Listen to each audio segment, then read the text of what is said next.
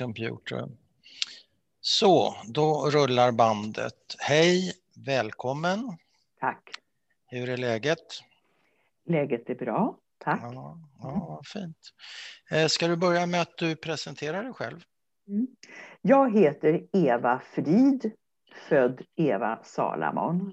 Mm. Född 1953 i Stockholm. Eh, har bott större delen av mitt liv i Sverige. Eh, några undantag, ett par år utomlands. Men eh, mm. ja, annars har jag hållit mig mycket till Sverige och Stockholm. Eh, ja, jag vet inte, det, det är en sån här eh, stor fråga vad man ska eh, säga när man presenterar sig själv. Jag är mamma till tre barn. Mm. Har tre barnbarn. Och eh, jag eh, är frånskild. Var gift i 33 eller 35 år och sånt där. Och eh, ja. Mm, det är du. Det är jag. Mm. Jobbar. Jag är, fyller snart 68, har inte slutat arbeta än. Nej. Förvärvsarbetar jag nu. Mm. Men planerar att göra det på hösten. Okej. Okay. Vad ska du hitta på då?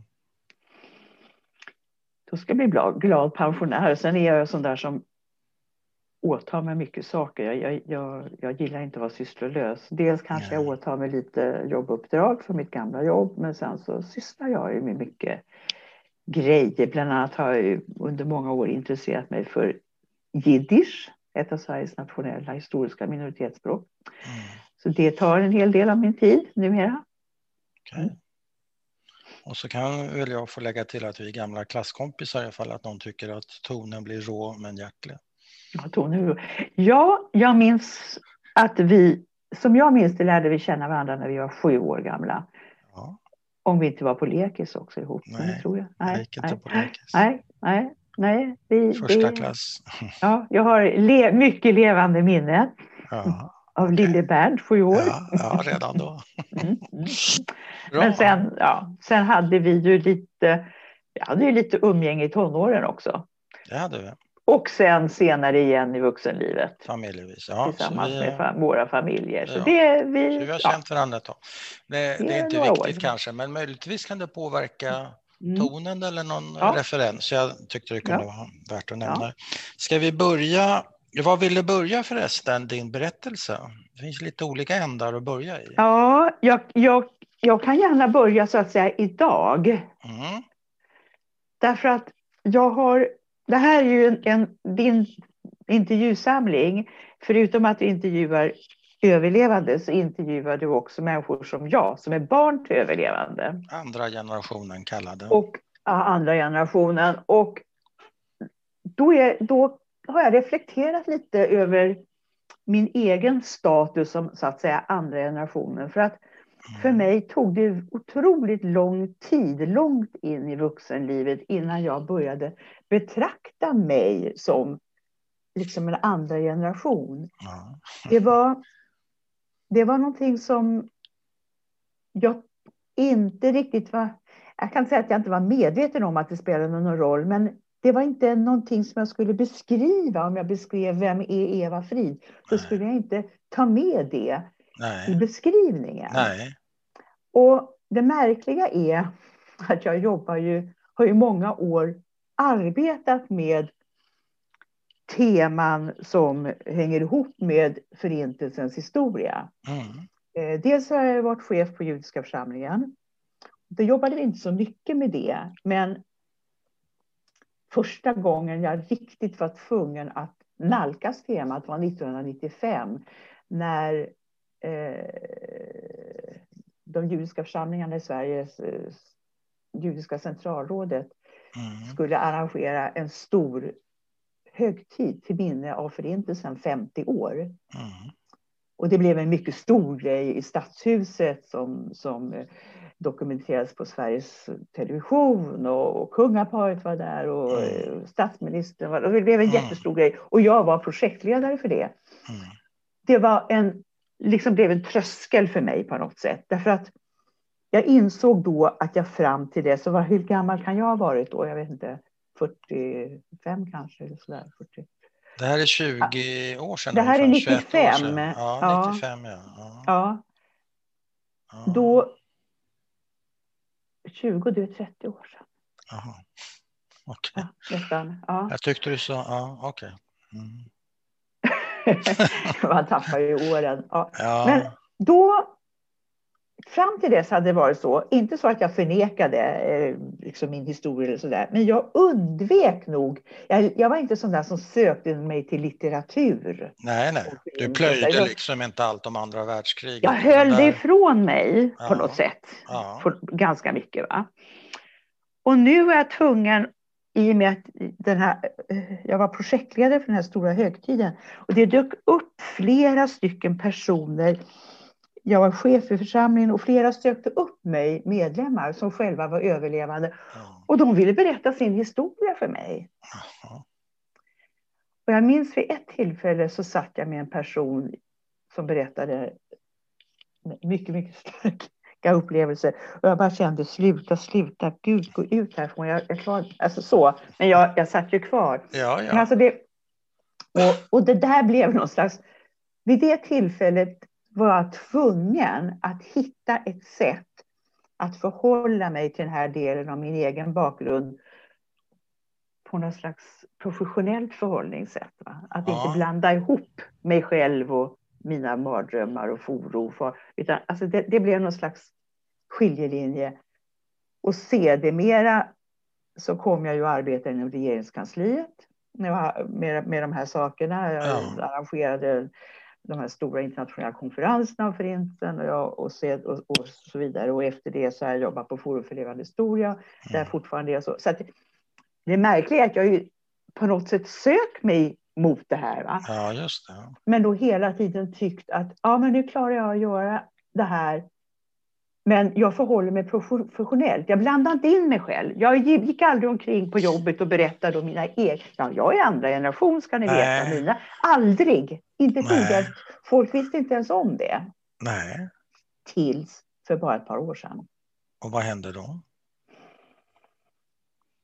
Eh, då hände det att jag skulle vara med vid Kulturhuset skulle ha den här utställningen, fotoutställningen som hette, vad hette den? Det var en stor det var en utställning med fotografier på överlevande. Mik Mikael Jansson, fotograf. Ja, just det. Mm.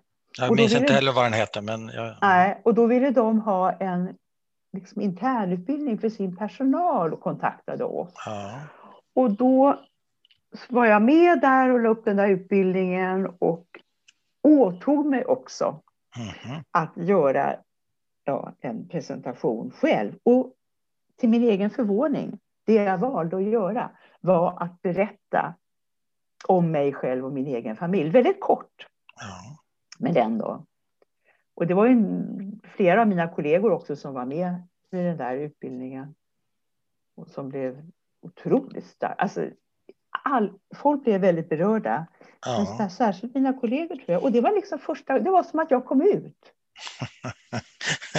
ja, kom ja. ut som andra generation. Ja. Alltså var... Och nu är det, sen dess så kan jag använda det på ett annat sätt och um, tala om det på ett annat sätt. Inte, inte hela tiden, men alltså det Nej.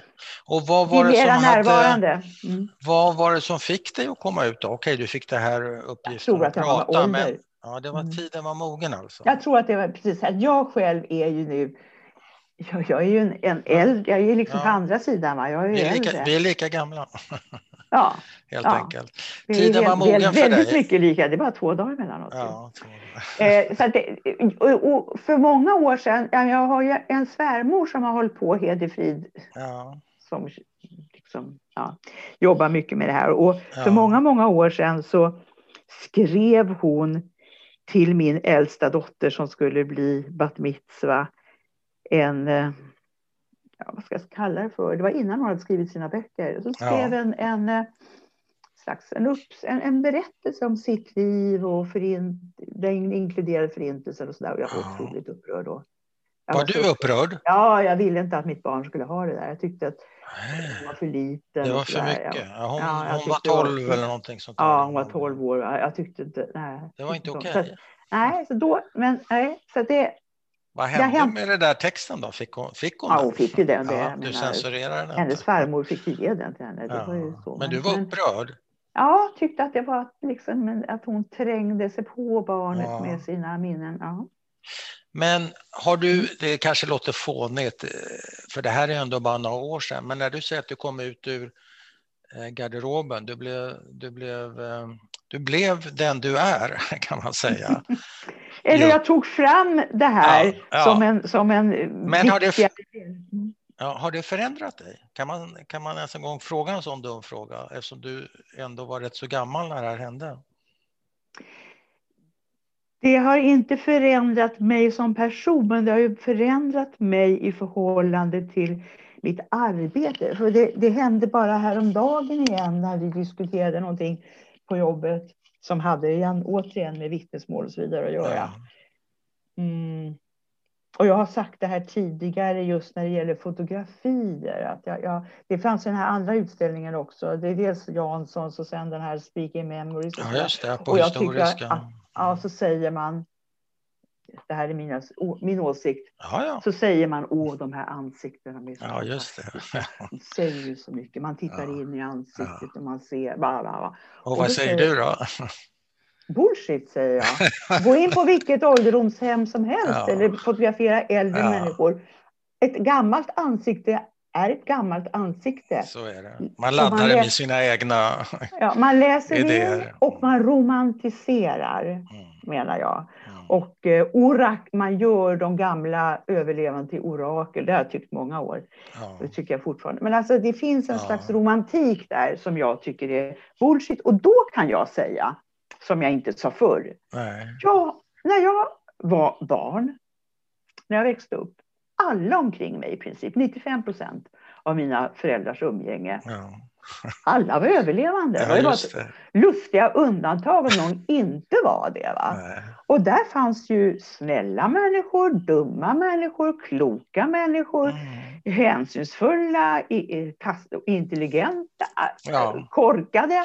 All, liksom alla. Men, de, människor ja. helt enkelt. Människor helt enkelt, precis. Och, och det där då kan jag numera lyfta fram ja. mer än vad jag gjorde förut ur ja. min egen erfarenhet och då hävda att lägg av med den där romantiseringen. Ja. ja.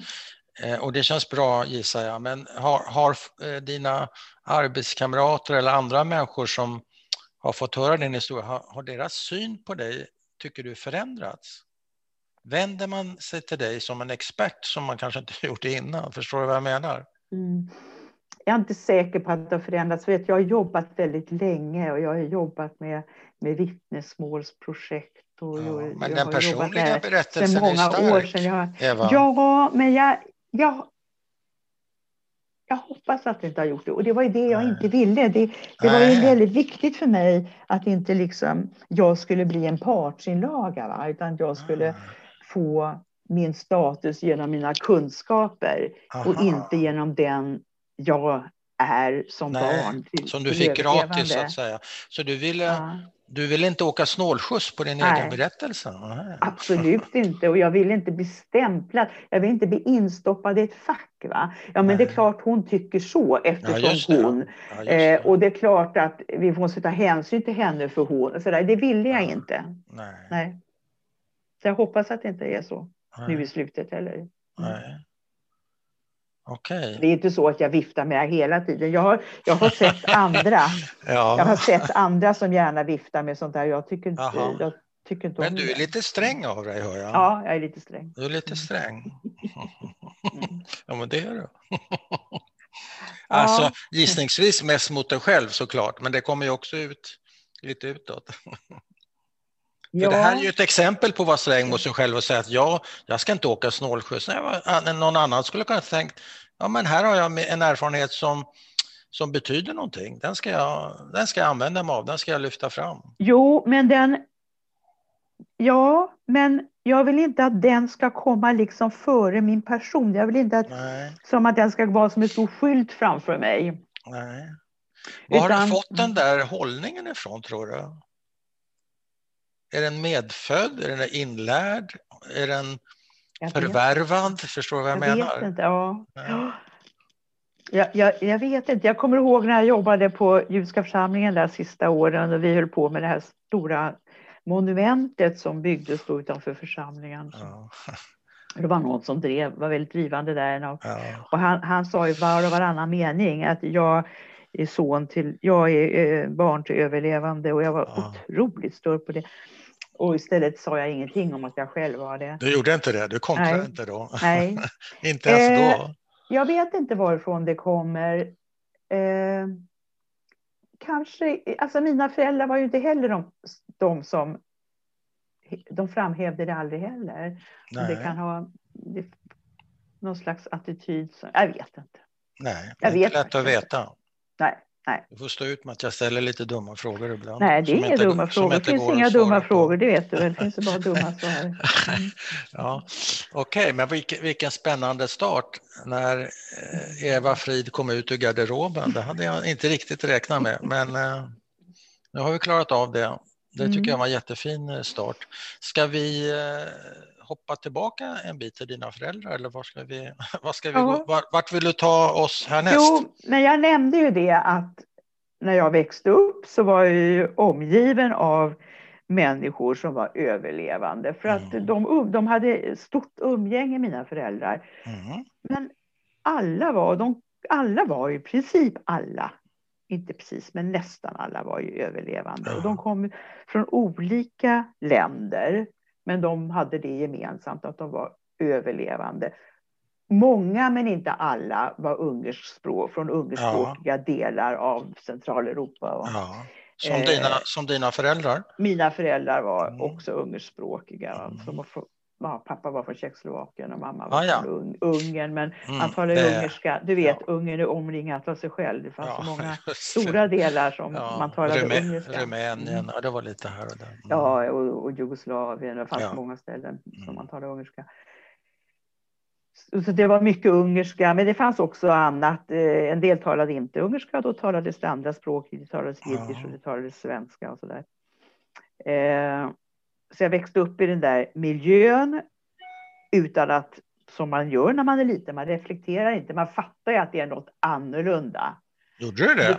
Ja, ja, ja, ja. Man fattar, men då tror man att det är för att vi är utlänningar, punkt. Mm. Vad var utlänningar? Hur mycket utlänningar fanns det på 50-talet Nej, det var inte så. Och pappa var ju väldigt mörk och, och då ropade de efter honom spaghetti macaroni eller så trodde man att han var rom, zigenare som det hette ja, på den tiden. Ja. Eh, och, det, och, vem ropade? Var det barn eller vuxna? Det var barn? Ja, han brukade skratt, säga att folk ropade ja. sådär. Och han ja. Jag vet inte. Nej. Barn kanske och också vuxna. Mm. Men, men eh, tog, man tog inte så allvarligt på det. Men utlänning, man var ju utlänning. Jag kommer ihåg att vi bodde grannar med en italiensk familj och de blev väldigt goda vänner med det här italienska paret. För de hade ja. ju det gemensamt. Ja vi bodde på Reimersholmen, det fanns kanske inga andra utlänningar än mina föräldrar och Itali de här, den här italienska familjen Nej. ungefär. Va? Ja. Så då fann de gemenskap i det. Fanns, det inte, det... Ett, fanns det inte ett romskt läger eller någonting längst ut på Reimers eller har jag inbillat mig det? Apropå inte andra. vad jag minns. Nej, Möjligt okay. att det fanns, för det var ju lite, det fanns ju inte bebyggelse där. Nej, det var lite off längst ut. Jag minns bara Ås, Åsnan som gjorde reklam för Ja, ja just det. Ja. du minns det också? Du har, ja, jag, nej, jag har läst om det, men du ja, har ja. sett åsnan alltså? Ja, ja, ja. ja, ja, ja. Man kunde, som gick på Kungsgatan, och vad de hittade på där. Ja. Alla använde Karlssons klister utom jag, för jag är en åsna. Exakt, ja precis. Det var rätt men, så smart eh, Så var det, va? Så man fattar ju att det var något annorlunda. Liksom, och, och, att föräldrarna inte pratade svenska hemma och så där. Va? Ja. Så det, det, är klart att man fattade det. Sen kommer jag ihåg... Vad pratade de? Eh, Pratar med varandra, jiddisch, prat, nej, nej. Med, varandra pratade de ungerska. Ja, okay. Och med oss pratade de ibland ungerska, men vi svarade alltid på svenska. Ja, men förstod? Vi förstod vad de sa, men, ja. men svarade aldrig på ungerska och de krävde nej. aldrig att vi skulle svara på ungerska heller. Och ibland pratade de svenska helt enkelt. Mm. Ofta var svenska med sådär när, när vi var med, när det var liksom mm. familjevis. Men, Men deras fort, språk var ungerska alltså? Deras gemensamma språk var ungerska. Mm, mm. Det var det. Eh, jag kommer ihåg när jag var sju år så flyttade vi från Emersholme till Stureby. Och mm. det var en sån här villagata och då fick man ju nya kompisar. Jag kommer ihåg att efter något halvår så, där, så frågade barnen där på gatan mig. Är det sant att dina föräldrar varit med om kriget? Oj. Det här är 1960. Ja. Och då tänkte jag bara, det var jätte, alltså jag fattar inte frågan. Märklig fråga. Men liksom, det var väl klart att de varit med om kriget. Men ja, det var men de tyckte det var så fascinerande, ja. barnen där. Ja. De var tvungna att kolla av om det verkligen var sant. Mm. Jag menar 1960, det är bara 15 år efter krigsslutet. Just det. Ja. Men eh, eh steg du, eh, din status, ökar den eller minskar den av ja, detta det minns faktum? Jag, inte. Jag, jag minns inte det. Jag eller bara minns den där händelsen ja. och jag minns att jag tyckte det var en jättemärklig fråga att få. För jag visste knappt vad jag skulle svara ja, ja, ja. ja. ja.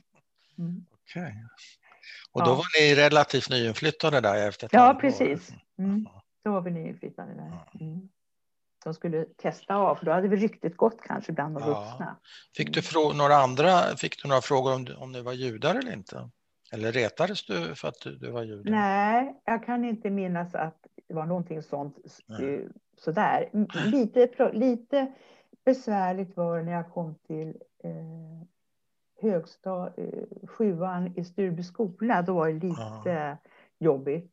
Aha. Eh, då var det någon kille där som ritade hakkors i handen så där så, så ja. ropade han på mig så sa han ja, ja, ja. Så gjorde han så här. Nej. Så visade det. Ja. Nej. Det var jobbigt. Ja. ja. Och sa ingenting utan han bara, han bara öppnade upp han. Och då var det takkors där. Vilken det vad han gjorde. Ja, det var inte snällt. jag tror inte att jag, som jag minns det, vågade jag inte berätta det hemma. Du vågade inte? Nej. Vad betyder det? Att du inte Därför vågade? att jag ville inte uppröra dem så mycket, antar jag.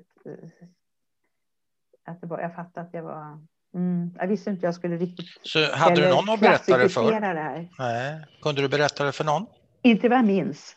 Jag kanske berättade för någon kompis. Jag minns mm. faktiskt inte. Nej, men du minns händelsen? ja, mycket starkt. Och det var inte en gång. Nej. Det var några. Ja. Mm. Mm.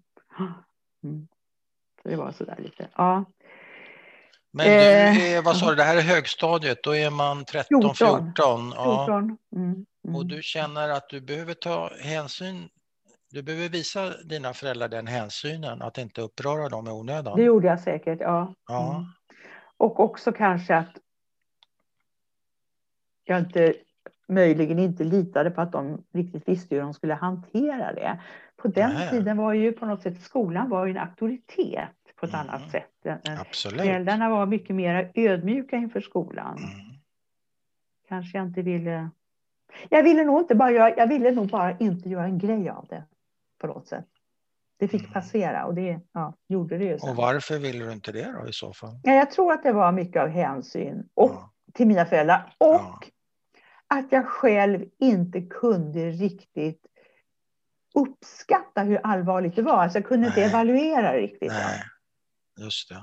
Mm. Den var ju lurig den där grejen eftersom mm. man inte skrek mm. någonting eller mm. Mm. slog mm. det eller förföljde. Ja. Den var ja, lite... jag visste nog inte riktigt. Jag förstår vad du menar. Ja. Mm. Jag var ju bara 14. Ja, ett barn helt enkelt. Mm. Sen kommer jag ihåg, om det var i sjuan också, som man läste om slaveriet i historien. Jaha. Slav, hur man köpte slavar och sådär. Och ja. jag blev otroligt upprörd, tyckte det var jättejobbigt. Eh, och jag, jag, tror att det var för att jag, jag associerade det på något sätt till förintelsen naturligtvis. Alltså det, var, mm. det var nästan outhärdligt jobbigt. Oj de där bilderna med när, hur man staplade slav, slavar, människor ja. på golvet. Så där, ja. som sardiner. Så jag, jag kommer ihåg att det där... Var det slavskeppen eller vad pratade ja, vi om? Ja, okay, ja. Den... Och, och, allt det där. Och så, så, småningom blev det väl lite också om förintelsen. Jag tyckte allt det där, jag minns att jag tyckte det var jobbigt att hantera. Ja, vad gjorde, hur gjorde du då? Vad jag gjorde nog inte så mycket, jag tyckte det var jobbigt. Ja. Jag kan ha pratat med min mamma om det, men, men um, ja. Vad, visste, mm. vad berättade dina föräldrar för er, för dig och I princip syster? ingenting. Okej, mm. ingenting? Nej. Men du visste ju att de hade ja, varit med ja. i kriget uppenbarligen eftersom du kunde svara på det. Det var så här att de hade ju, som jag sa, stort umgänge och mycket gäster. Ja. Och jag var ett otroligt nyfiket barn. Ja. Älskade att sitta i ett hörn och lyssna på vad de vuxna pratade om. Ja. Det var det var, jag, tyckte det var, jag ville aldrig, jag blev jätteupprörd när de sa nej barnen gå in och lek, lek i mm. barnkammaren. Så jag hatade det, jag ville sitta där och lyssna. Ja. Och det gjorde jag väldigt mycket och särskilt då eh, hem, när mina föräldrar hade gäster och det inte var några andra ungar där, då kunde man göra det. Och då var det ju så att de var ju, hur gamla var föräldrarna då? De var inte så gamla, 35-40 års ålder, men de, ja. de satt ju och snackade om ditten och datten och kom in på saker som handlade om naturligtvis också livet före kriget. Ja. Sin ungdom och människor de kände och sådär. Och jag hörde ju då hur de kunde berätta om ja, den och den personen och si och så. Ja, men vad hände med henne sen? Nej, men hon kom inte tillbaka. Nej, hon kom inte tillbaka. Nej. Eller han kom inte tillbaka. Eller, alltså, jag fattar ju väldigt tidigt, det fanns något som man inte kom tillbaka ifrån.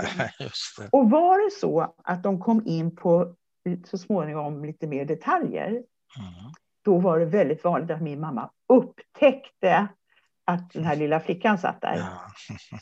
Och istället, för att, istället för att kasta ut mig då så ja. sa hon så här till alla. Nej, nu byter vi samtalsämne. Tänk ja. på barnet. Ja, tänk på Tvingar hon alla att sluta och byta samtalsämne. det var väl Det var hennes taktik. Ja.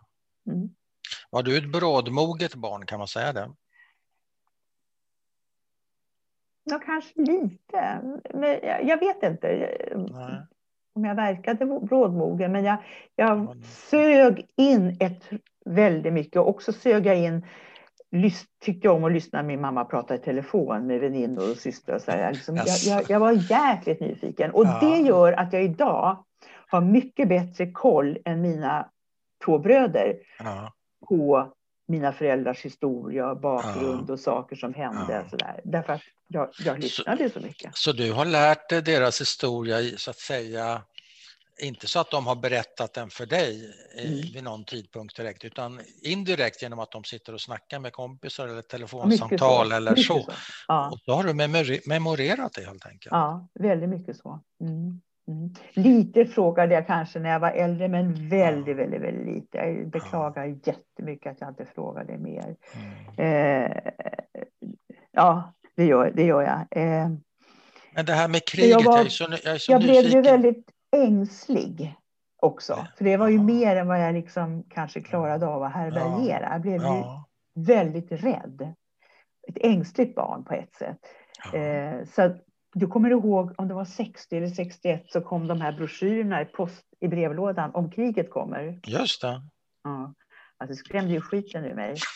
Jag var, full, jag var så rädd. Min mamma, jag vet inte hur många kvällar mamma fick sitta vid min sängkant Nej. och säga jag lovar att det aldrig blir krig. Nej, jag lovar du, att det aldrig... du tog det bokstavligt. Jag var jätterädd. Och det hade säkert att göra med det här att jag förstod på något sätt vad ett krig ja. är. Ja. Alltså, förintelsen var ju inte ett begrepp som man kände till. Nej. Men det här jätteläskiga som hade ja. Eh, styrt om mina föräldrars liv och som gjorde att jag inte hade någon, nästan inga släktingar och sådär. Så att det, mm. eh, jag, jag, blev ett ängsligt barn på det viset. Mm. Det tror, jag tror det påverkade mig tidigt. Och vet du, när, vet du när det blev det? Ja, men successivt, jag tror att alltså, successivt, jag hade sugit in allt det här, så ja. någonstans så låg det en medvetenhet om att bakom mig så fanns det någonting stort och fruktansvärt. Ja. Och jag trodde ju på något sätt när jag var skoltjej att och kriget det var ju så långt bort. Det var ju ja. liksom och det var några evigheter sedan. Men om man tänker efter, va? när vi föddes 53 var åtta år efter krigsslutet. Mm, det är ingenting. Det är ingenting. Nej, det är ingenting. Ingenting. Så det, det liksom låg ju där. Det fanns ja. ju i, i, i atmosfären. Att ja, inte bara liksom det. Så, såren är ju inte läkta i den, mån, i den mån de kan läka. Nej, och de hade fått börja om mm. från absolut ingenting Nej. på helt nya villkor i ett ja. helt nytt land. Ja, med helt, nytt språk, allting. Det fanns ju inte en historia i form av, det fanns inte ärvda möbler, inget Nej. ärvt silver, inga ärvda brev, nästan inga, foto, inga fotografier. Alltså det, Ja. Jag hade en morfar, vilket var unikt. Bland, för, för jag menar, ingen av mina kompisar som också var andra generationen ja. hade var. Men jag hade ingen mormor och ingen farmor och ingen farfar. Sådär, va? Men jag hade, Men en morfar. En morfar ja, som överlevde också. Som hade klarat sig. Ja. Mm, mm. Ja. Men den där ängsligheten eh, eh gick det också över i, i vad ska jag säga, mardrömmar och, och sådana där grejer? Eller hur? Hur, starkt hur stark blev den där ängsligheten? Ja, så att säga? Eh, den var ganska stark och eh, har väl inte gått över egentligen.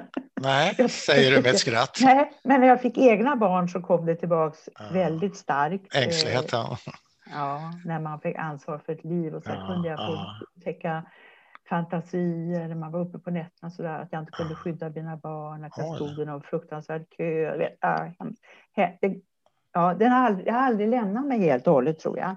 Nej. Egentligen, utan Nej. jag lever liksom ett dubbelliv med, med det där. Sen var det också så, och det var inte ovanligt, men när jag var liten trodde jag det var fullt normalt. Min pappa ylade på nätterna. Som en varg. Jag trodde pappor gör så. Alltså det, det var normalt. Så gör väl en pappa. Ja. Och då, och då var det så att han ylade. Och så vaknade mamma och så var han fullständigt genomblöt. Mm. Och så sa mamma, vakna, du har drömt. Och så gick hon upp och tog fram en torr, ny, ren pyjamas. Ja. Och så bytte han om och somnade om. Och jag tror att det var i stort sett alla nätter, som jag ja. minns det. Men det var liksom ingen man pratade om.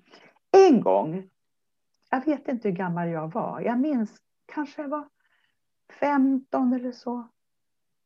Så frågade jag min mamma, jag minns det så väl, hon stod och diskade, ja. ställde mig där vid diskbänken. Ja. Och då sa, frågade jag, vad drömmer pappa om när han ylar? Vilken bra fråga. Jag minns hennes svar, då sa hon så här, ja, han, han drömmer om hundar och sånt. Var det, chefer, var det, var det schäferhundar det? Nej. Alltså jag, jag tror inte hon sa mer än så. Nej, Men det där satt igång i mitt huvud. Ja. Och så småningom då när så för, kan mycket väl vara så att han, gift, att han drömde om hundar. Mm, mm. mm som jag, alltså, ja, vakthundar helt enkelt. Vakthundar, så det kan mycket väl vara bland annat det. Men det var allt hon sa på den, på den mm. frågan. Mm. mm. Så att de sa inte mycket. Hon sa inte du får inte fråga eller vi pratar nej, inte. Nej, nej, nej. Det var liksom, ja, på något sätt så fattar man ju att man inte skulle utveckla det så mycket. Det fattar man. Mm. Mm. Men det satte ju igång tankar hos mig. Mm. Sen har jag frågat mamma. Och vad för tankar? Ja, om vad det kunde vara för hundar. Ja, det är klart okay. att det inte var någon gulligpudel han drömde nej, nej, Okej. Okay. Och sen skulle, förlåt jag avbröt dig, sen frågade mamma, sa du någonting? Nej, men jag frågade mamma i livets, i hennes livs slutskede lite mm. saker. Mm. Då var pappa borta sedan flera år redan. Ja, och hur, hur, gammal är mamma då ungefär? 72. Mm. Och hon låg på hospice, så att vi visste, hon var döende. Ja. Och då var det så att jag företog en resa till Budapest genom jobbet. Jag minns inte vad jag gjorde där ja. exakt. Men jag gick in, jag gick till, om jag var på någon guidad tur eller någonting i stora synagogan i Budapest. Ja. Och fick reda på att man under tiden då för förintelsen så, så spärrade man in judar där i synagogan. Mm. Under lång tid och flera dog och de begravde man precis på gården utanför huset. Det fanns en mm. liten trädgård till synagogan. Mm. Och då när jag kom hem, då frågade jag min mamma. För jag, visste att min mamma inte var med där.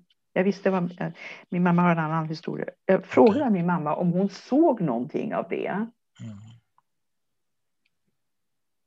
Möjligtvis hade jag frågat några andra frågor innan också. Och när jag kom till det här, om hon såg det här eller visste om det, då sa hon, jag minns inte. Och så vände hon sig mot mig, alltså vände sig sängen mot väggen från mig. Ja. Och då kände jag hon vände väldigt sig bort alltså? Jag kände väldigt tydligt att hon har ingen lust att prata Nej. om det här. Jag minns inte och så vände hon sig bort. Ja. Eh, för det var ju så att eh, hon levde med falsk identitet i Budapest. Aha. Mm. Hela sista året, alltså det värsta året då, då nazisterna, när det var nazistisk 44 regim. till 45 eller ja, mm. ja, ja. Mm. Då hade, levde hon under falsk identitet. Okay. Mm. Och eh, det var därifrån har jag bara, hur ska jag säga, jag har skär, alltså, eh, små, eh, jag har fått lappa ihop ja. små minnesskärvor kan man väl ja. säga av det. Ja. Och eh, jo, det hade jag frågat henne om också faktiskt. Då. Jag, det var nämligen så att hon alldeles i slutskedet innan Sovjetarmén kom in i Budapest, de var redan inne i stora delar av Ungern. Mm. Pilkorsarna som var de som jagade judar eh, fortsatte in i det sista att släpa judar ner till Donaufloden och skjuta mm. Judar. Mm. Fastän de visste att, att de, alltså, de var snart ockuperade. Det var kört. Ja, ja. ja, mm. var helt... Ja. Och vid den punkten arbetade min mamma som någon slags... Hon jobbade på Röda Korsets sjukhus. Okay. Eh, där i Buda. Någon jag vet inte vem hade, förrådde henne. Oj. Och hon blev eh, tillfångatagen och tagen ner till Donau. Oj. Och där står en pilkorsare med pistoler mot henne. Mm. Och så säger snubben, pilkorsaren, du, jag låter dig gå om du ger mig mitt namn. Och du... Eh, och om det skulle bli en rättegång då får du säga att jag räddade ditt liv. Okay. Och då sa hon, det tror jag inte på, du kommer skjuta mig i ryggen. Ja, hur det var så det blev så. hon gå. Mm. Och hon blev sen kallad till någon typ. Det måste ha varit, jag har inte riktigt kläm på det, jag behöver ta reda på det, men det var såna här snabba rättegångar då, när, ja. när ryssarna kommit in. Ja. Så massor antagligen. Ja. Hur, hur, han fick tag på henne vet jag inte, men hon kom dit. Och då frågade de ju henne om det var sant att han hade mm. räddat hennes liv. Mm. Och då hade hon sagt, då frågade jag henne, för det hann jag fråga henne också innan hon vände sig mot väggen. Mm. Och då mm. hade hon sagt, ja, han sköt inte mig, men jag såg honom skjuta andra. Det var, det var ett väldigt bra svar. Mm, det var ett bra svar. Det var ett väldigt bra svar. Att jag vet inte, ja, jag vet som sagt var, jag, jag har um, sådär... Ja, du har skärvor. Skärvor av ja. hennes tid under det där året. Ja. ja. Mm. Hur, hur blev det för dig när hon vänder sig bort där i sängen när hon är mot slutet av sitt eh, liv? Ja, jag, fråg, jag, fråg, jag, jag tystnar då naturligtvis. Jag, alltså, ja. För mig, jag Men kan inte minnas att jag någon... eller var det? Nej, jag var ju inte van vid att hon liksom drog berättelser om, om det här. Eh, och hon, jag kan inte minnas att jag någon gång klandrade föräldrarna för att inte berätta. Det var Nej. ju lika mycket jag som inte frågade. Det var något slags samspel. Mm. Det var någon slags tyst överenskommelse. Så här i efterhand blev det bra mm. för dig. Man kan ju säga att det är en slags, finns ju en man kan se det på så många olika sätt. Ett sätt att se på det är att det är en omtanke från dina föräldrar att skydda dig. Så kan det ju vara. Det kan ju vara en oförmåga också. Det vet, vet ju ingen. Ja, Men eh, hur, hur har det landat i dig? Är tycker du att det blev rätt så bra eller hade du önskat någonting annat om du förstår vad jag menar? Ja, eh, jag tror att om de hade fått leva längre och jag hade fått vara med som liksom äldre kvinna, mm. då tror jag att jag hade nalkats det här mer mm. än, vad jag mogen, vad, än vad jag var mogen att göra då. Eh, ja, vad jag har gjort är att jag, jag har en moster, en syster till min mamma, mm. som fortfarande lever, hon är 94. Mm. Jag har in, intervjuat henne ganska, jag har ställt ja, ja. mycket frågor till henne. Ja. Har hon svarat? Det, ja, för det är lättare, jag är hennes systerdotter. Jag vet, alltså det, det är oftast har, lättare. Ja, och hon har lättare att berätta. Hon har skrivit ner lite minnen och sådär, än vad min mamma hade. Hon har ett annat förhållande till det här. Men det är klart, det finns ju många saker som hon inte kan svara på. Nej. Som gäller min mamma. Och de var inte heller tillsammans det där året. För hon Nej. Hamnade i Auschwitz och så vidare. Och min ja. mamma var med falsk identitet i Budapest. Budapest. Så det är olika historier. Ja. Och jag vet inte om min mamma har berättat allt heller för sina systrar. För hon tyckte nog lite att Ja, men jag har inget att berätta om. Nej. Det gick ju så bra. Jag De klarade mig. Jag klar, ja, fastän hon hade naturligtvis nästan blivit av, Han blev ju nästan avrättad. Ja, ja, det var ju fruktansvärda. Hon var ju, var förstått att hon var ju tvungen att, att sticka från stället till ställe så fort hon ja. började misstänka. Ja. Hon jobbade på något, glasmäst, äh, förlåt, något äh, trädgårdsmästeri ja. under en tid. Det fanns trädgårdsmästerier utanför Budapest. De drevs av någon anledning av bulgarer. Det var så. Mm. Det var bulgarerna som hade ja. trädgårdsmästerier. Okay. Och då jobbade hon där och då började de tycka där att hon tvättade sig så mycket. Ja. Vad, vad håller du på med? Tvättar du så mycket? Och då mm. började hon känna, hopps, där. Så sådana där små, ja. små signaler som var tvungen att, ja. så fick hon ge sig iväg. De började ja. tycka hon var konstig. Ja. Så. Eh, så att hon, hon Hur gick det med mammas mm. familj? Har du koll på det? Ja, eh, ja. Eh, alltså hon, de andra blev ju deporterade. Pappan blev tidigt ivägskickad på slavarbete tvångsarbete. Det var han som överlevde. Men mamman och morfar och mostrar och kusiner och sådär, alla de blev mördade och hennes bröder också. Alla, de, alla andra blev deporterade och mördade. Mm. Eh, sen, två systrar överlevde alltså. Och kom till Sverige via ja. Röda Korset mm. från Bergen-Belsen. Mm. Med vita bussarna eller med Nej, båtar? Med, eller? Med, med båt och tåg. Ja, mm. mm. Pappa då, vad är hans eh, bakgrund i korthet höll jag på att säga, låter ju nästan grymt men ändå. Pappa eh, var född Vad heter då... dina föräldrar förresten? Det har jag glömt att fråga. Ja, mamma hette Paula, men hennes så att säga namn i, pan, i passet var Paula. Aha. Men hemma kallades hon för Hanna. Mm. Hennes judiska namn var Hanna. Men efter det att hon hade varit i Ungern, alltså hon hade falsk, hennes falska identitet var Hanna Kovacs. Mm. Och Hanna på ungerska, eh, smeknamn på Hanna är Panni. Mm. Det är märkligt med ungerska språket. Men, ja. Så hon kallades faktiskt av alla för Jaha. Panni. Jaha. Ja, det var hennes liksom. Eh, och eh, pappa hette Moritz, som mm. hans liksom, namn i passet, men hans mm. judiska namn var Mo Mo Moishe. Eller Moishe. Ja. Okay. Och det kallade min mamma honom för också, och ja. de flesta som kände honom också. Moishe och Panni. Mm. Mm. Och vad är pappas eh, story? Kort? Han var född alltså i dåvarande Tjeckoslovakien som hade tidigare då varit Ungern och som nu när han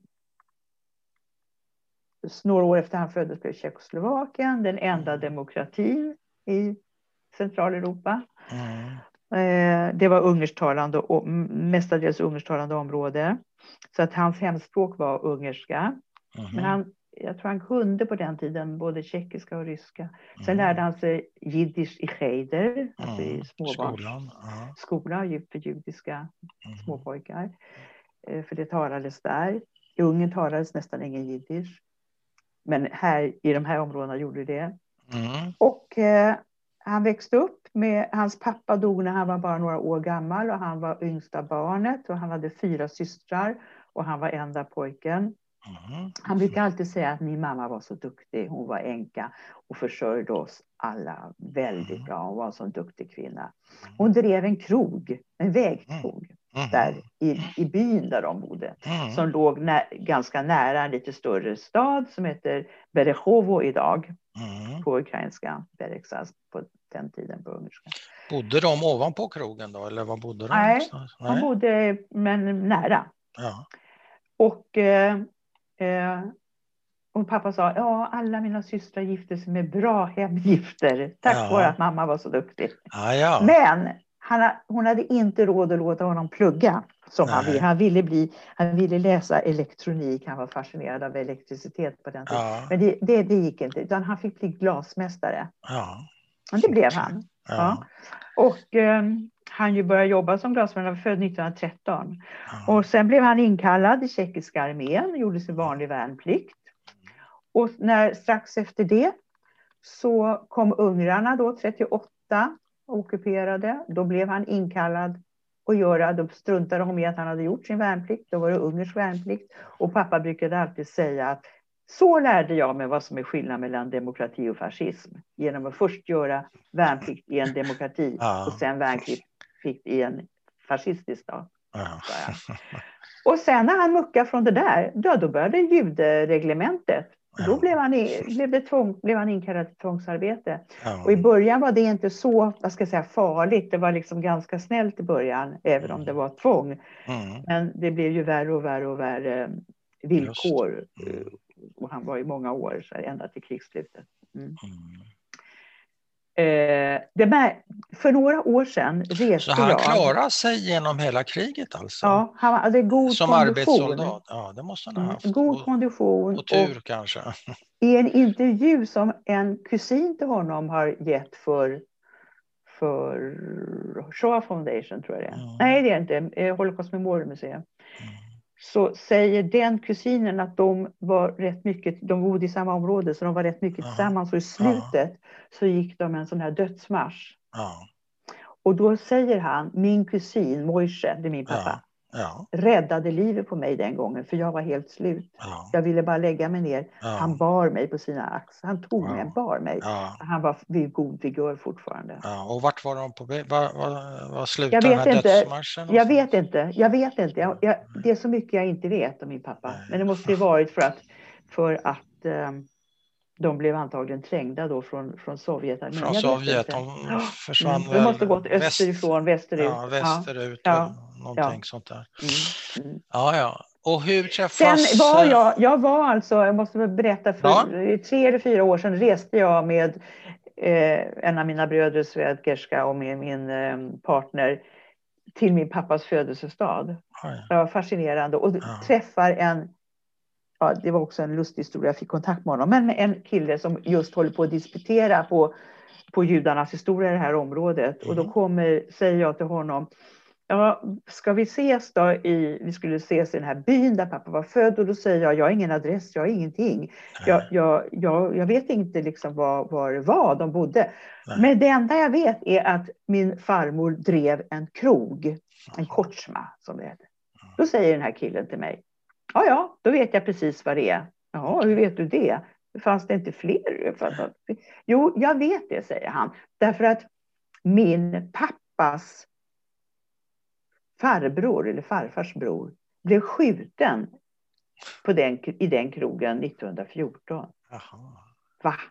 Jag fattar ingenting. Ja, men det får, så träffades vi. Ja. Det var helt konstigt. Det visade sig att det fanns bara en krog. Och det var byns huvudgata. Och det här mm. var gräns, en gränsby, så det var mycket gränshandel där. Mm. Så det var många som reste va, ut och in. Och man gick liksom på krogen.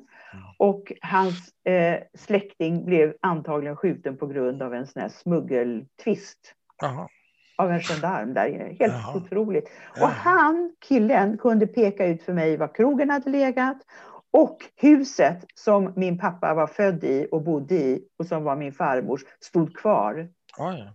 Och i fönstret en stor skylt att huset är till salu. Helt otroligt. Ville du köpa den? Ja, alltså jag, jag snurrar i huvudet jättelänge. Mm. Mm. Men vad betyder det här för dig, den här eh, Roots-resan eller vad vi ska kalla den för? Var det viktigt för dig? Ja, det var. Jag har varit i min mammas hemstad ja, också. Och varför? Mm. Vad är det som är så viktigt med att se en icke-existerande krog. Ja, den låg här, nu är den borta och här har vi Vet inte, Jag ville se omgivningarna. Pappa berättade alltid att det var ett vindistrikt, att han ja. när han var liten fick se hur man gjorde vin. Det ja. berättade han ja. väldigt noggrant för mig, man gjorde vin. Jag tror jag höll något föredrag i skolan om det. Ja. och då var det så fantastiskt att komma dit och se. Alltså det var verkligen... Eh, och det var fortfarande ja, vindistrikt? Mycket, ja, ja, okay. mycket, ja. Och det här huset som inte jag visste stod där. Och den här mm. killen kunde ju säga på dagen när min farmor hade blivit deporterad och hur hon hade, hade ja, till. Det, visste han. Det, var, det, var, det var väldigt speciellt. Var och staden, den intilliggande staden och hela dess historia. Ja. Det var väldigt speciellt att se. Mm. mm. Det var väldigt speciellt. Men hur träffas, och, ja. hur träffas mamma och pappa? Vi måste närma oss eh, kärnan ja, här i berättelsen. De träffas faktiskt i Tyskland. på... Jaha. Ja, min mamma, först var hon i Budapest och eh, där hade hon träffat en kusin och kusinens kompis och de flyttade tillsammans in i något bombat hus i någon lägenhet som man kunde bo i. Och där fick de man fick ju diarréer och sånt där. De räddade livet på varandra genom att eh, i närheten fanns en utbombad kakaofabrik, chokladfabrik och då kunde man gå dit och hitta block av mörk choklad. Ja, och den som, orkade, den som orkade gick dit och så kokade de vatten och drack ja. och sådär. På så vis så räddade de varandra ja. från de här diarrésjukdomar och sådär. Ja. Men, och mamma blev ett par med kusinens kompis. Ja. De blev förälskade. Mm. Men mamma var väldigt besluten att hon skulle inte stanna kvar i Ungern. Hon kunde Nej. inte tänka sig det efter allt Nej. som hade hänt. Alla svek. Medan den där killen trodde på att det skulle bli nya tider, mm. kommunisterna. Mm. Det blir... Jag det, det, blev ju, det, det, blev ju nya tider Verkligen. Också, tyvärr. Han stannade kvar. Han stannade hon kvar. stack. Men Aha. innan hon stack så åkte hon hem till sin hemby, eller hemstad, var en liten stad för att se om mm. fan, vad fanns. Och där mötte hon sin pappa som också kom hem för att se. Som, och de visste inte om varandra, att de hade Nej. klarat sig? Alltså. Nej, de träffades wow. där. Oj. På vägen dit från Budapest, på tåget, det har inte min mamma berättat och i många år kunde jag inte säga det för jag tyckte jag svek mamma. Men det är också ja. någonting som jag kan säga nu. Ja. Mamma blev våldtagen av ett gäng ryska soldater. Ja. På tåget. På tåget, ja. Det kunde hon inte berätta för sin pappa när hon kom hem. Nej. Hur gammal är hon vid den hon här tidpunkten? 22 och det här är 45. Hon är 23. Ja, 23 år. Mm, mm, mm. Ung flicka. Mm. Nå, men de två tog sig så småningom till Tyskland. Vänta ett tag. Mamma och morfar? Morfar. Mamma och hennes pappa. Ja, de tar sig till Tyskland. Ja, de, det fanns liksom ingenting kvar. Och hon så berättar de, inte för sin pappa att hon har blivit våldtagen? Nej, alltså. nej, nej. Hur vet du det? det? Hur vet du det? Därför att hon har berättat det här för sin syster som har berättat ja. för mig. Ja. Och hon kunde inte säga det, nej. nej. Han, nej, han var liksom redan lite sådär att hon hade bott ihop med de här två männen. Och så. Nej, det var andra tider. Hon ja. kunde inte säga det. På den tiden det var liksom det var hennes fel. Nej, och speciellt för en pappa. Nej. Ja, de hade det... ett bra förhållande men, ja, men inte, inte, så intimt. Nej, nej. okej. Stackars, hon fick bära på det. stackars din mamma. Ja.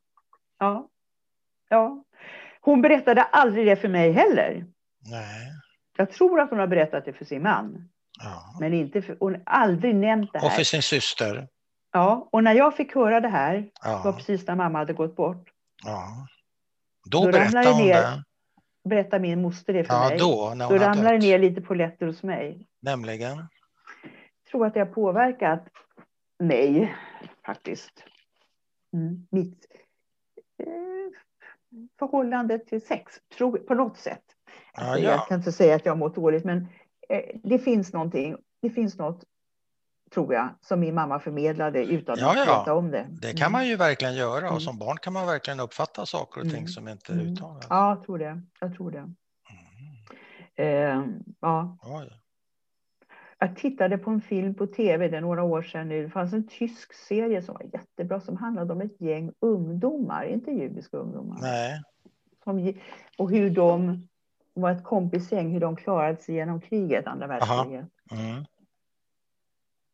Jag minns inte vad serien hette, det var välgjord. Men jag minns ja. att jag tittade på ett avsnitt i slutet som handlade om hur, hur de, några av dem jobbade på ett sånt här fältsjukhus, var inrymt på något gammalt pensionat eller vad det var. Och det här är slutet av kriget och Sovjetarmén är på väg in. Ja, ja. Och, och de, de vårdar då sårade soldater och sådär. Och då säger flera av dem, vi måste sticka härifrån. Men två tjejer säger, nej, vi kan inte lämna de här helt vind för våg, vi stannar. Mm. Mm. Och då får man se sen hur de här ryska soldaterna kommer in och det första som händer är att de mm. våldtar de här tjejerna. Mm. Och jag satt och tittade på den här serien och tyckte så där som jag brukar tycka att ja, men jag, jag är så luttrad, jag har jobbat med det här så många år, jag liksom det här. Men när, men när de här scenerna kom, när man förstod ja. vad som hände, ja. Ja, fullt, liksom, jag bröt ihop, ja, blev alldeles sjuk av sorg. Så att det, det finns. Men det betyder att du bekräftar den här teorin om att man kan ärva trauman? Om det har varit trauma ja, för din mamma så har det gått i arv till dig? Självklart. Jag Självklart all... säger du. jag säger så här. Det finns inget folkmord som slutar den dagen mördandet upphör. Nej. Inget folkmord. Det, är här, det judiska folkmordet finns inget undantag. Det, det, det lever vidare. Det lever bryter, vidare. Har du funderat på det då? Hur bryter man ett sånt där trauma som går i arv? Det Därför att du har ju barn och som, och som förälder vill man ju inte skicka vidare det så gärna. Ja, men det går inte. Det går, det går inte. inte. Man, man, förmedlar saker vare sig man vill eller inte. Det är riktigt. Mm. Men tunnas det ut då, eller hur tänker du? På ja, det gör det. Det tunnas ut. Det gör det. Visst tunnas det ut. Men jag... Ja, så är det. Det, det, det, det går inte att klippa. Det gör det inte. Mm.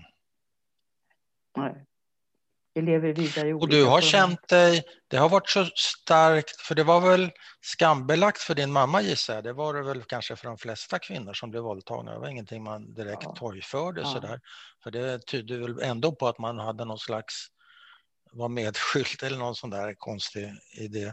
Men du hade samma behov att täcka upp det där och inte... Du sa nu, nu kan jag berätta det, men jag har, du har haft eh, känt skuld för det. Ja, jag kände lojalitet. Att prata om det, ja. Ja, därför att, att om det var så viktigt för henne att hon inte berättade ja. det för mig, då skulle jag inte liksom skvallra Nej. vidare. Men, men jag har ändå valt att göra sätt, det. Du har inte mm. tänkt på det som ett sätt att bryta det där traumat, att berätta, att berätta om det? Som du Nej, gör inte nu. för att bryta traumat, men för att Nej. jag vill göra historien rättvisa mera för det. Mm. Mm. mm. mm. Men alltså mamma och morfar, om jag får återta här, de hamnar i Tyskland sa du? Ja. De lämnar där... Ungern och hamnar i Tyskland. Ja, och där ansluter sig min mamma till vad som kallades för en kibbutz. Mm. En sionistisk ungdomsgrupp eh, som eh, tror jag fick eh, jag tror att, att eh, det var ju många hjälporganisationer där då, va, mm. internationella, och de fick något hus till förfogande. Det, det här var Winsheim som var i, fanns en jätte, jättestor sån här displaced persons förläggning mm. där och mm. lite utanför själva den byn fanns det här, den här etableras den här kibbutzen så att säga. Skulle de utvandra till Palestina? Min då? mamma var väldigt pigg på det. Min mamma ja. anslöt sig till den. Eh, hennes pappa får väl hänga med på något sätt. Han var väl den enda ja. i föräldragenerationen där. Alltså, och sen ja. hade de då, levde då i ett kollektiv där. Mm. Och varje fredag, lördag så gjorde de, eh, lagades det mat. Mm. Shabbatmiddagar.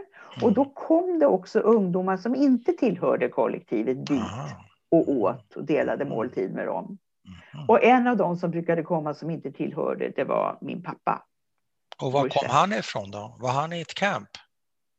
Han måste bott där någonstans. Det var ju sån här stort display. Han var en ja, sån display camp. Ja, ja, jag vet inte exakt. Nej. Men han brukade komma dit. Ja. Och det var ju ungdomar, de hade väl trevligt ihop och ja. många blev ju par och sådär. Ja, ja det är och klart. Mina föräldrar blev nog verkligen förälskade. Det var inte bara sådär, utan mamma, mamma, det har mamma berättat vid något tillfälle hur hon, eh, de var ute och gick, eh, promenerade och han gick framför hon tyckte att han hade så fantastisk kropp och, ja, de gick upp på någon kulle och mamma var först och så sa hon ja, nästa som kommer får en pussel och sådär. Och så ja. ja, sådär. De, de blev ett par och de gifte sig där också. Efter hur lång tid, Montro? Vet du det? Hur snabbt gick det? ja, de kan ha kommit dit kanske. Ja, jag har lite dålig koll. Jag har faktiskt ja. deras vigselbevis. Men de, mamma kan ha, kom, de kan ha kommit dit i början på 46. Ja. Gifte sig kanske i slutet på 46. Ja, ja. Så det gick rätt och så raskt. Och till Sverige. Och de, vem, vem viger dem?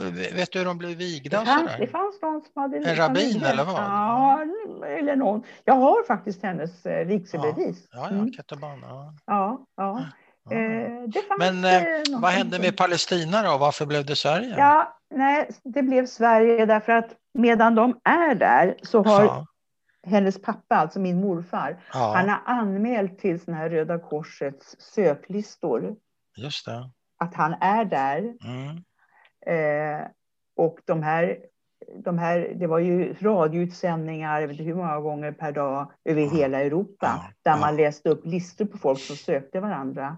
I Sverige sitter Ester och Isabella Aha. på en flyktingförläggning. Aha. Isabella är ute och jobbar och det är mina mostrar. Ester Aha. är ung, hon är bara 15 år, sjuk, sitter, jobbar inte, sitter hemma och lyssnar på radio.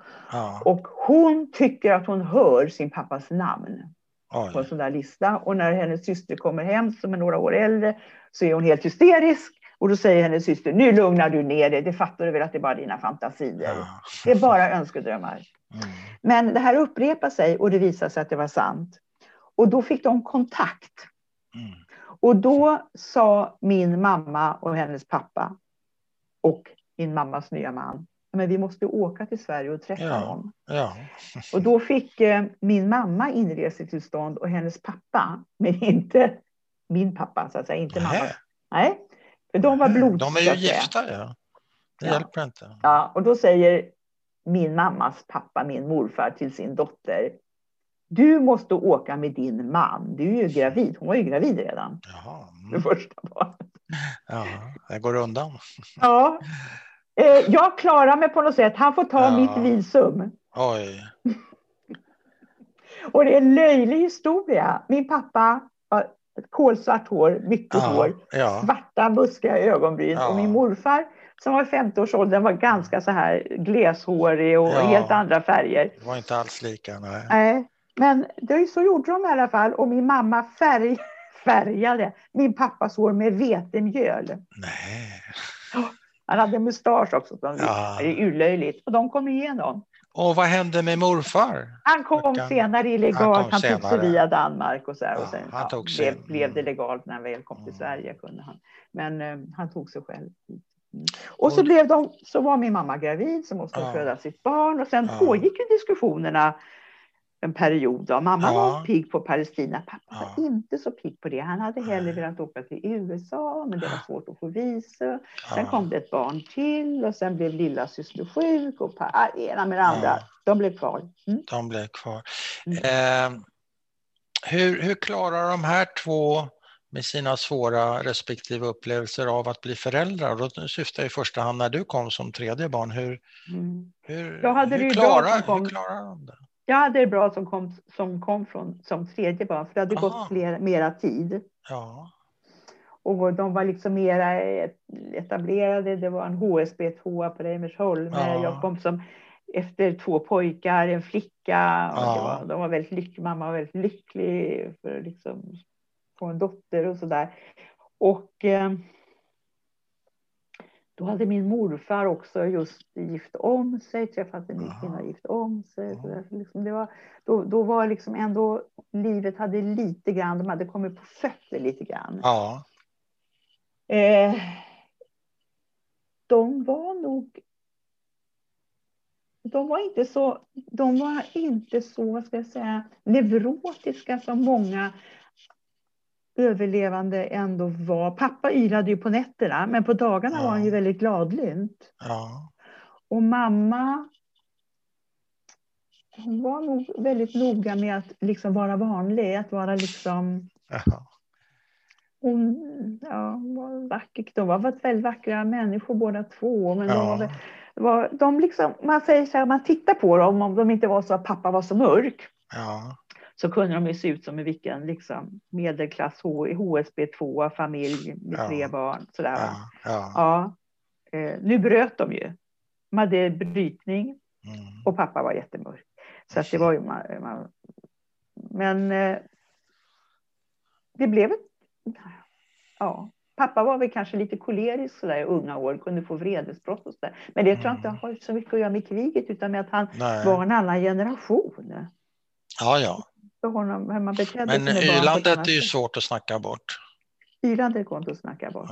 Nej, Men han var väldigt glad på dagen, alltså glad sådär i sitt sätt. Ja. Onevrotisk. Ja. O, o, ingen grubblande människa. Mamma kanske var mer grubblande men hon var också mer intellektuellt lagd. Ja, men kom, kom de här erfarenheterna, ibland när man åldras mot slutet och sådär, även om de inte blir jättegamla, kom det ifatt dem någon gång, livet så att säga, som de hade? Jag tycker lite för pappa lite grann. Han fick, dog i en jättehjärtattack, mm. hjärtinfarkt. Mm. Men hade troligen ett par mindre innan som ingen upptäckte. Det låter Nej. inte klokt idag, men Nej. så var det nog. Och då i samband med dem så blev han lite nedstämd. det blir man ju. Ja. I oftare. Och då kan jag minnas. Jag var hemma då mammaledig med mitt tredje barn. Han var, vi bodde inte långt ifrån varandra, han tyckte det var kul att komma och hälsa på. Ja. Och var alltid så där gullig, kom med någon god frukt eller något nybakat bröd. Och så där. Kom ja. över. Men ja. vid ett sånt tillfälle så kommer jag ihåg att han satt, vi satt i köket och snackade. Och då sa han så här. Jag hade en sån hemsk dröm i natt. Det var väldigt ovant för så att han skulle ja, säga en sån han, ja, ja. Jag drömde att det brann. Mm. Och eh, jag kunde inte rädda dem. Och så sa han så här, det var värst för de små barnen. Sa han. Mm. Jag var korkad, jag följde inte upp det. Men jag glömmer det inte, det gjorde ett enormt intryck. Jag sa bara, åh vad hemskt. Mm.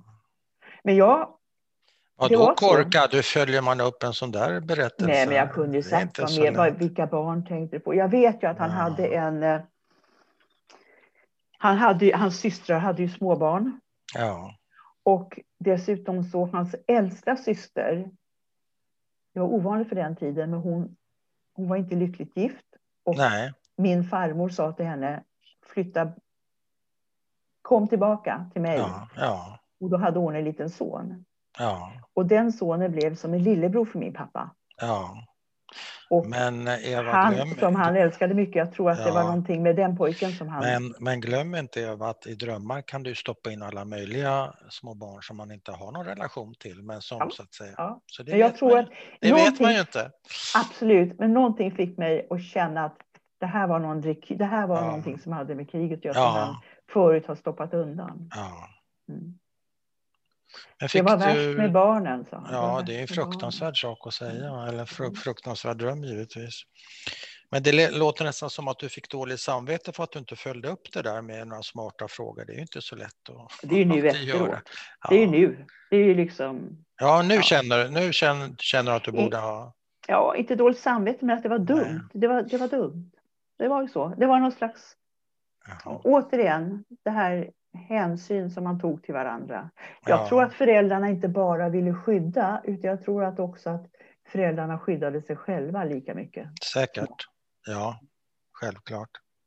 att lämna ut sig själv Nej, det kanske sådana det som historier inte, till nej, sina barn. Nej, jag, jag förstår och håller Mm. med.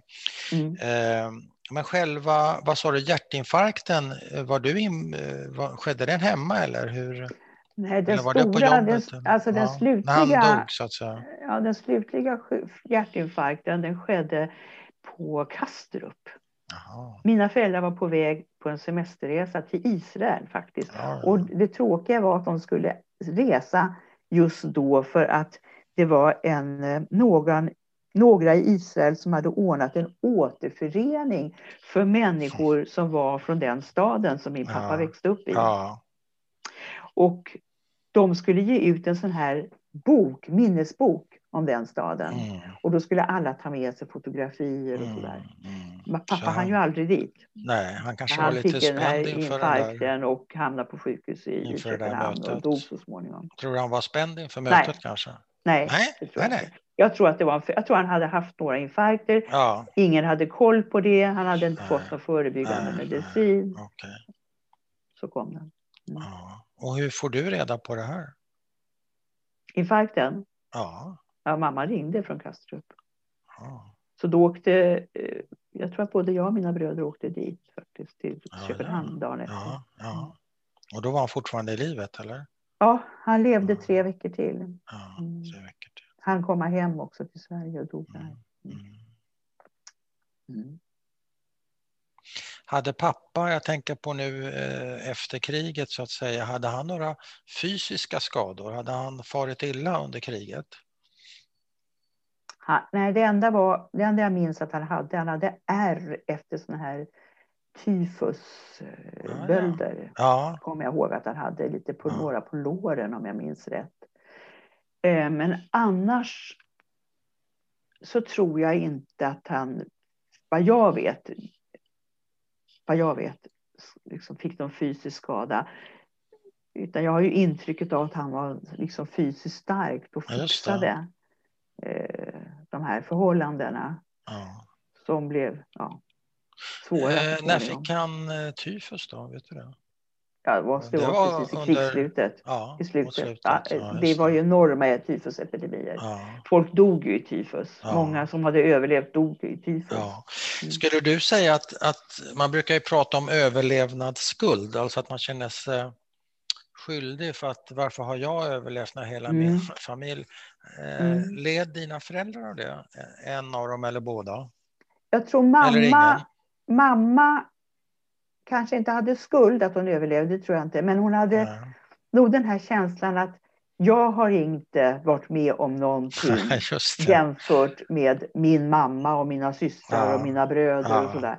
För jag klarar ju mig undan Auschwitz. Ja. Jag blev ju, alltså, och då tyckte hon att det var väl inget. Hon Nej. blev sådär, tror jag. Förstår. Jämfört. Pappa, pappa då? Nej, han var inte den sorten som tänkte så tror jag. Han var mer, nej, men han var mer för- okomplicerad till sitt sätt aha. att vara. Va? Det var liksom, Ja. nej, han, var inte den sorten som la sådana aspekter Nej. på livet. Nej, Mm.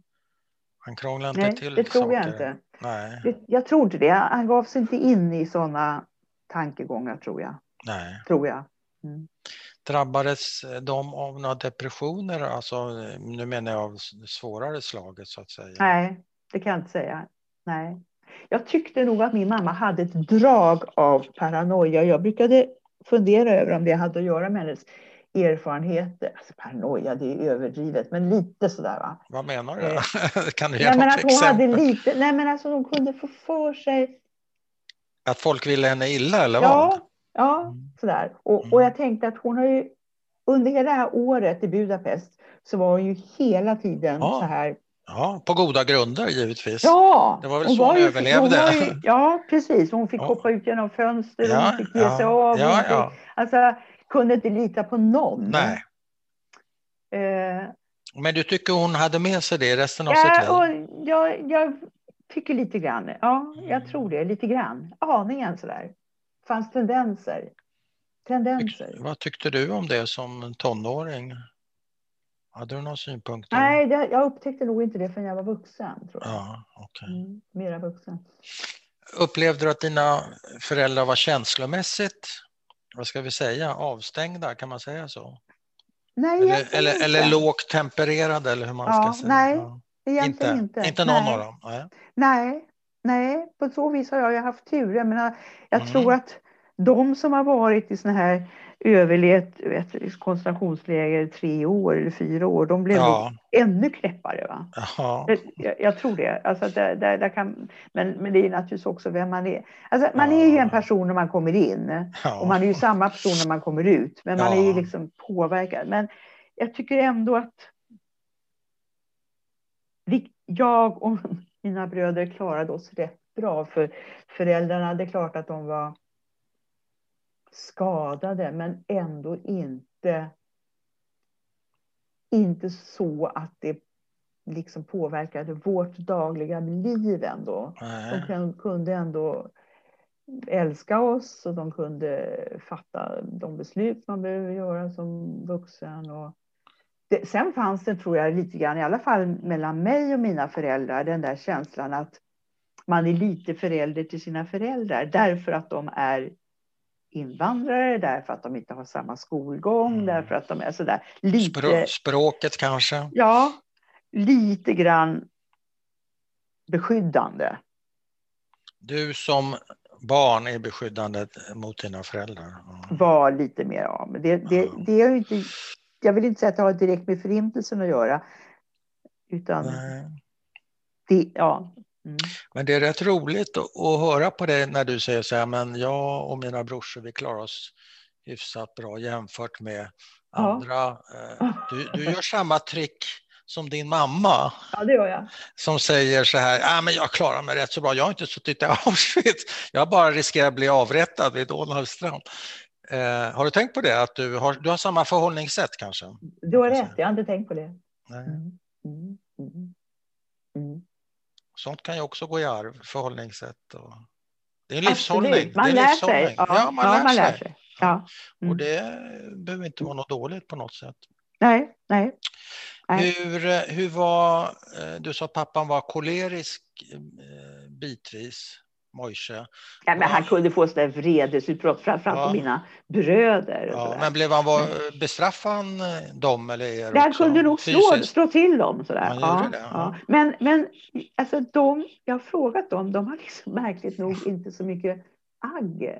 Sådär, de, inte? Nej, de reste, och du då? Hur, hur de reste du? till honom när han var sjuk och satt och ja. grät. Och så eh, Jag tyckte kanske att det var, jag tyckte det var jobbigt. Ja, du tyckte det var jobbigt. Ja, jag minns det som jobbigt. Ja. Mm. Men, men det var inte så att han var, han var inte så att han sa oj imorgon ska du få så där, utan nej, han, nej. Liksom, han blev förbannad. Han fick ett spil, han fick ja. eh, mm. Mm. ett mm. ryck. Mm. Hur ofta händer det?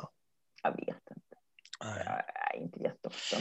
Men, Om du säger att det du beskrev eh, tidigare här om att eh, vara förälder till ens förälder sa du väl, Eh, mm. Och det kan man ju, ett annat ord är ju kanske att man är lite överbeskyddande om man nu kan vara det som barn mot föräldrar. Men var de överbeskyddande mot dig? Någon av dem? Eller gav de dig rätt så stor frihet? Nej, nej jag tror de gav mig... De, de var väldigt övertygade, framförallt min mamma. Pappa var också, men att, att vi var så duktiga, vi klarade oss så bra. Ja. Det är en härlig, en härlig inställning. Ja, ja. Det är fantastiskt. Det enda min mamma sa, min mamma sa, se till att plugga, för ni har möjlighet, för hon fick inte det. Nej. För de hade inte råd att låta henne Nej. studera, för de pengar som fanns måste gå till brödernas studier. Så att sömmerska, hon hatade det. Alltså, Då sa hon, ni måste plugga, spelar ingen roll vad, bara ni pluggar. Men för övrigt så, så fanns det liksom ingen press eh, egentligen. Och det var ett väldigt förtroende för att vi fixa, att vi klarar det. Ja, fint. Fint att höra. Ja, ibland kunde jag nästan tycka att det var för mycket. Jag hade velat alltså, ha mera ledning, tror jag. Alltså, mm, ja, mm. Det blev för mycket förtroende. Mm, mm. Fri, ja. ja. Blev de upprörda av, av eh, jag tänker när det hände stora händelser, framförallt det började ju på 60-talet med Eichmann-rättegången och sådär och sen blev de påverkade av sådana händelser och märkte du det? Det märkliga är att jag minns ingenting Nej. själv av Eichmann-rättegången. Det är konstigt. Att, jag minns inte det. Ja, men det var väl ingen stor händelse? Det var väl ingen stor händelse? Ja, men, ja, nej, jag minns ingenting av det. Det jag minns ja. väldigt tydligt som upprörde dem och som upprörde hela deras vänkrets och så där. Ja. Det var ju kriget Israel 1967. 67, okej. Okay. Ja. Juni. Det var ju en, det, det var en stor grej. Ja, ja, för jag tror de kopplade det på något sätt. Alltså där kom det någon slags koppling, fast det inte var uttalat till förintelsen. För att den skräcken att Israel skulle utplånas, ja. det, det, det liksom eh, eh var en, eh, någonting som fick hela deras tillvaro att eh, eh gunga. Och det ja. tror jag hade att göra med erfarenheten från Förintelsen. Ja, det blev väl existentiellt helt enkelt. Ja, en jättestor existentiell mm.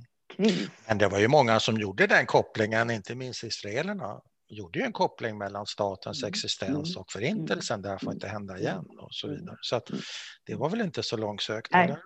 Nej, och då minns jag liksom att och hur yttrade sig det då? Var det ja, men det kom hem mycket vänner ja. till föräldrarna ja. och, och pratade och mm. var jättebekymrade. Ja. Mm. Satt du med som vanligt då och lyssnade? Eller hade du tröttnat ja. Nej, nej, jag, jag, jag, jag, var, jag lyssnade. Du var med där. Gjorde du eh, någon slags tonårsuppror någon gång? Nej, kan nej. man inte påstå. Nej. Jag var, nej, jag var nog ganska... Det var inte aktuellt? Jag var nog ganska... Äh, inte, nej, inte något direkt uppror. Det kan jag inte påstå. Och varför? Fanns det inte utrymme för det? Det vet jag inte. Nej. Ingen aning. Jag, eh, jag, kan bara in, inte säga att jag har gjort något direkt uppror. Nej. Mm. Eh,